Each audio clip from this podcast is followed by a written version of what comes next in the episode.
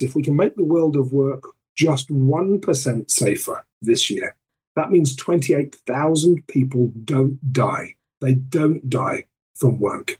And that feels like a much more manageable focus than just saying, we only want zero accidents and that's it. Je luistert naar Verhalen in Veiligheid. Deze podcast brengt verhalen over veiligheid samen van de mensen die het doen.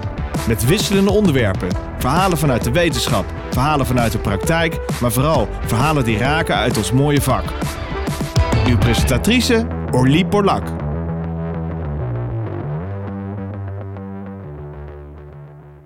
Welkom uh, luisteraars, weer uh, tijd voor een mooie podcast. Ik heb wederom een uh, bijzondere gast die al eerder hier is geweest, professor Dr. Andrew Sharman in de podcast. En vandaag gaan wij praten over zijn foundation en het project heet 1% Saver. Andrew, welcome again. So nice to have you. Thank you. Great to be back. You're very passionate about safety, about the world, about the people, and you have this wonderful project. It's called 1% Saver.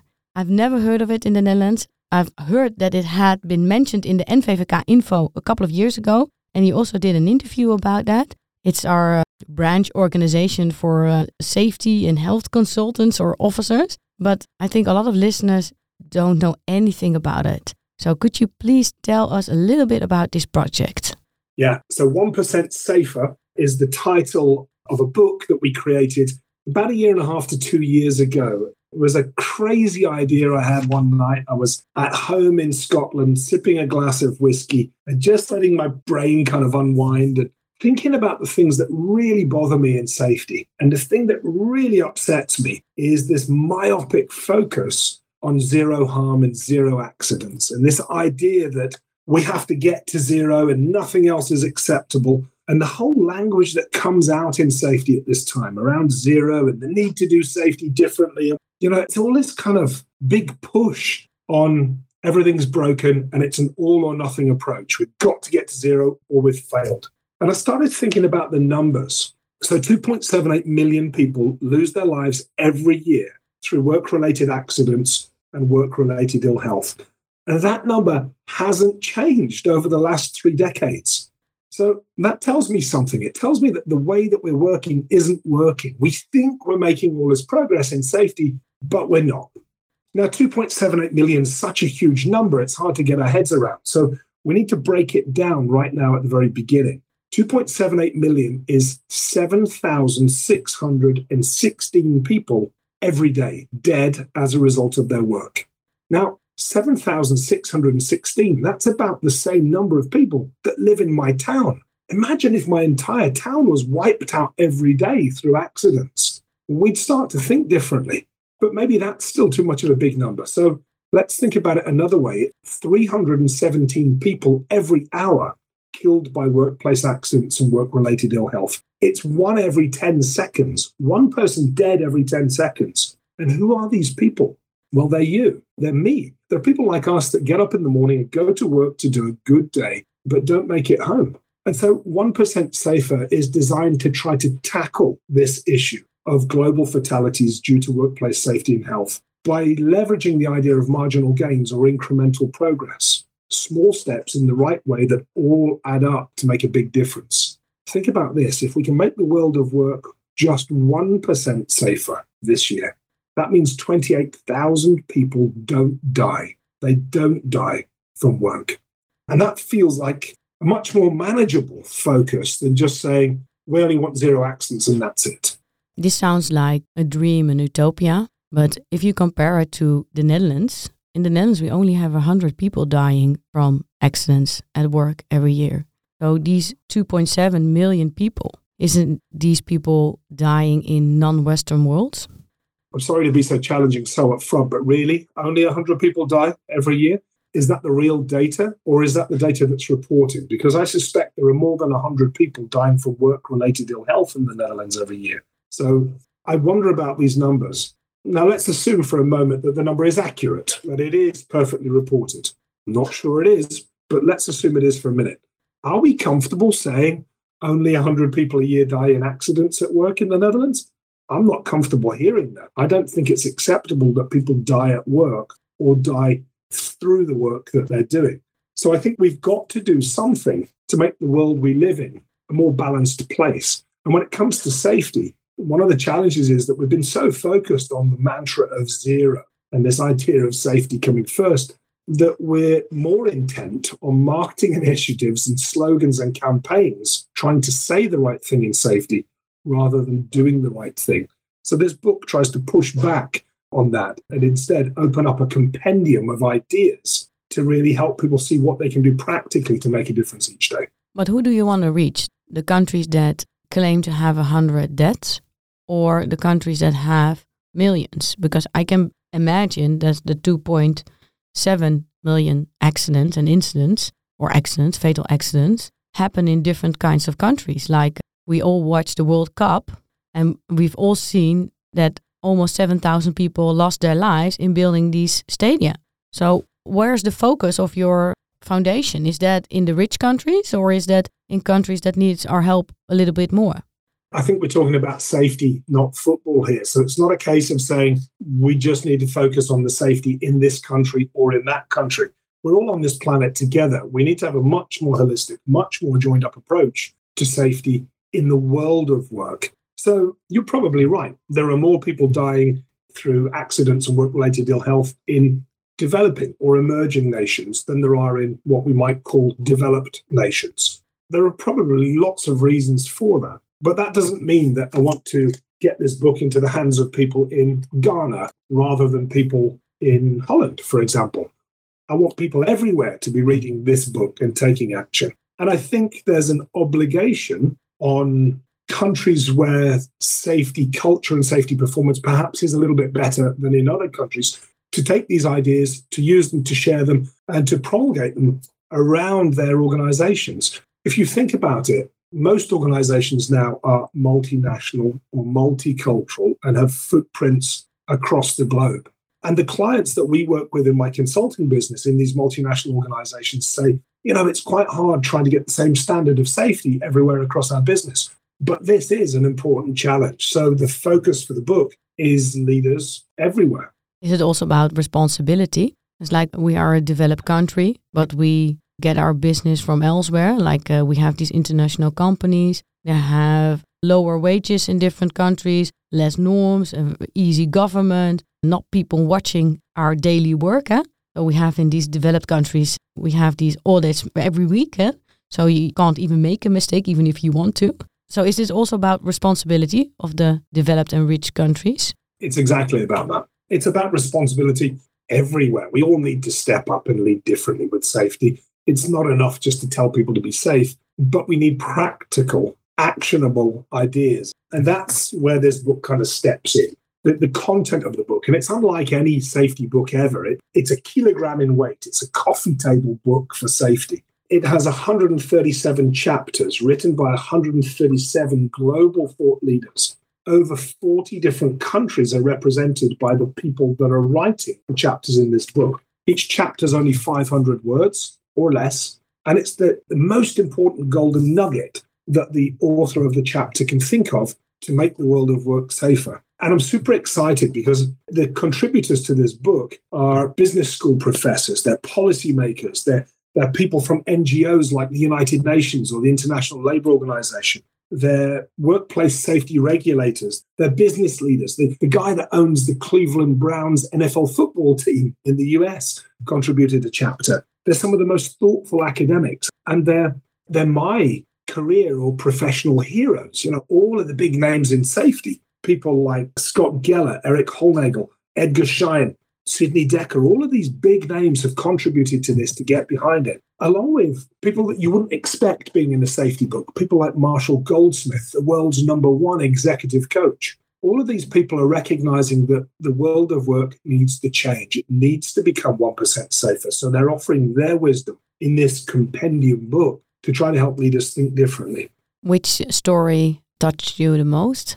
It's hard to choose just one story, but there is a chapter in the book where the person writing the chapter is writing it after his wife passed away in a workplace accident and he's talking about the impact it's had on on him and his family and why we need to think differently about this trying to paint a clearer picture I like that chapter. There's another chapter in there where the author is writing as if he were the CEO of a large global organization. And he's talking to the business leaders in this letter. And he's saying, You report your safety numbers, but I want to know more. I want to know deeper. I want to understand what we're doing to create safety in the organization. I like that one. There's some interesting stuff around curiosity. There's some fascinating stuff around mental health and well being. And I think maybe one of the strengths of this book is that it has such diversity in its content that there's definitely something for everyone inside the pages. But the bit that I want to really talk about here is not just, oh, this is a great book and everybody should buy it, but this is a great book and everyone should buy it because every cent that's made through the sale of the book goes into a charitable foundation called the 1% Safer Foundation. And that foundation gives away all of the money made from the book to really great causes. It helps alleviate poverty in occupational health and safety practitioners that have been made vulnerable by COVID or other challenges. It gives grants to organizations to help them become 1% safer. And it creates bursaries and scholarships around the world for people in emerging nations, particularly to help upskill, inform, and develop their leadership in safety. And that's the bit that I'm most excited about that this book is doing some real, tangible good in the world. And is that also your vision and ambition for uh, this foundation, 1% Safer? You know, my vision was simply to try to get the world thinking differently about what safety is and how we drive progress. Instead of thinking in absolutes, we need to get to zero. I want us to think in terms of incremental progress, a little bit of good every day, and all of that adding up. So that was the vision. And it was nothing more than just see if we could create a crowdsourced book with 137 different global thought leaders sharing an idea and then giving all the money away. That was the original vision. It's grown legs since then. We've become a, a, registered charitable foundation. We have a board of trustees that create loads of great activities. We've got loads of stuff on social media, very active on LinkedIn with book chapter authors talking about their chapters or giving away ideas through the social media stuff. We've run a series of events, including a very popular live and direct summit, where we've got book authors and others talking about how to make the world 1% safer. We've got country ambassadors now spreading the message as part of our global movement as far away as New Zealand and Canada and across Europe and beyond. And so, my vision, I guess, for this is still really simple. Let's focus on doing small actions each day that all add up. And in fact, this vision has been recognized by people, including our former Queen of Great Britain, Her Majesty Queen Elizabeth, and Prince Charles, now King Charles of the United Kingdom, who both sent letters of support to the 1% Safer Foundation for the work that we're doing. So I guess the vision remains the same make the world of work 1% safer and do that with us all contributing in our own way each day. It also sounds a little bit like creating a body of knowledge, not only getting people to buy the book and raise money for your foundation, but it also sounds like that you can make a change because of the thoughts written in that book. Was that also an idea to create a body of knowledge in order for safety professionals to see their work and their role differently? Yeah, I mean, this is definitely about changing attitudes and mindsets. And I guess you're right, as you use the phrase body of knowledge, a book with 250 pages that has so much knowledge in it from so many thought leaders. Sure, it's a body of knowledge and that can be helpful. But more than that, on our website, 1%safer.com, you see pledges from people who have bought the book, or maybe not even bought the book, but get this whole idea and want to contribute. So they pledge the things that they're doing to make their world of work 1% safer. So I guess the body of knowledge now goes beyond the book through the conferences that we run, through the country movements that have started and are happening with local meetups, and through these pledges that people add to the website. So this body of knowledge seems to be growing every day. Yeah, seems to become a movement of responsibility, of contributing, of motivation in making the world a better place. You said you're sponsoring all kinds of initiatives. Can you talk a little bit more about that? What is one that you find very inspiring you doing on the moment with the money you uh, fundraised with the book? So, as I said, every cent raised by the book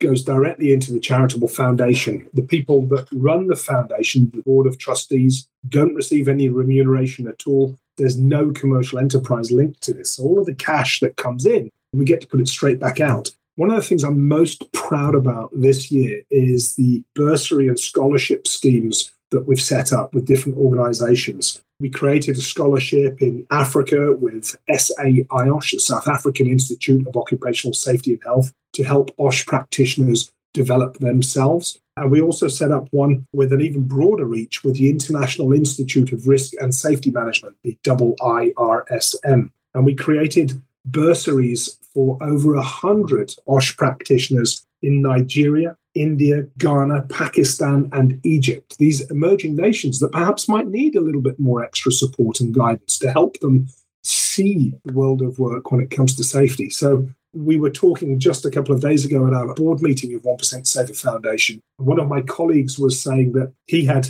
been engaged in an interview with one of these OSH professionals in Pakistan that had received the bursary from us. And this person was just expressing so much gratitude that the bursary had allowed him to think about safety and to develop himself in a way that he never dreamed would be possible. When we get stories like that, it really touches my heart and makes me think, my gosh, we're so fortunate that we're able to do these sorts of things to, to help make a difference. And it also sounds that you used all the stories in the book as enhancing education. Is that something that is also part of your ambition? Is to be part of the Dutch education or the, the global education of health and safety officers? This book is without doubt a fantastic education for occupational safety and health officers and practitioners around the world, whether they're Dutch, Ghanaian, Pakistani, or anywhere else. It, it's a great way to develop your knowledge and also give you practical ideas that you can put into place. So I guess it is a body of knowledge that's educative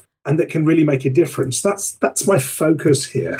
The subtitle to the book is The Secrets to Safety Excellence from the World's Finest Thinkers. I can't believe how lucky I was when I wrote to these people. My original idea was to try to get 100 global thought leaders to write one chapter each of 500 words. So I asked 138 global thought leaders, some people that were in my network, some that I'd never met, but really admired their work and sent them all an email saying, I know this is a bit crazy, but I've got this idea and it could be really cool if we can pull it off.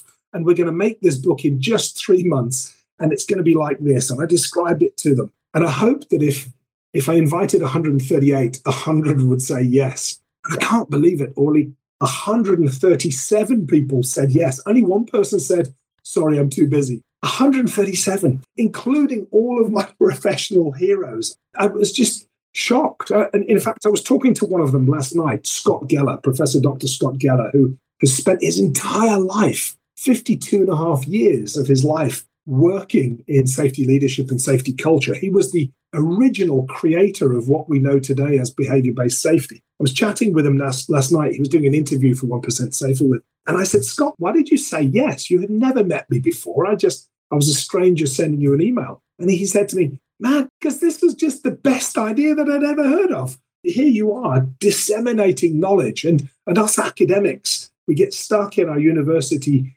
ivory towers creating research uh, documents, and they never go anywhere. And here you are bridging that gap and forcing us not to create 30, 40, 50 page research reports, but forcing us to tell you exactly what's most important in just 500 words or less. It was such a brilliant idea, I couldn't say no. And that seems to be the sense from, from most of the contributors that they just was so excited by this concept of getting out the most important knowledge. Super nice. Thank you very much. I think this is the perfect gift. If you want to change the world, inspire somebody, or maybe influence your own thoughts or the thoughts of somebody else, start by reading all these 137 wonderful ideas to make the world 1% safer.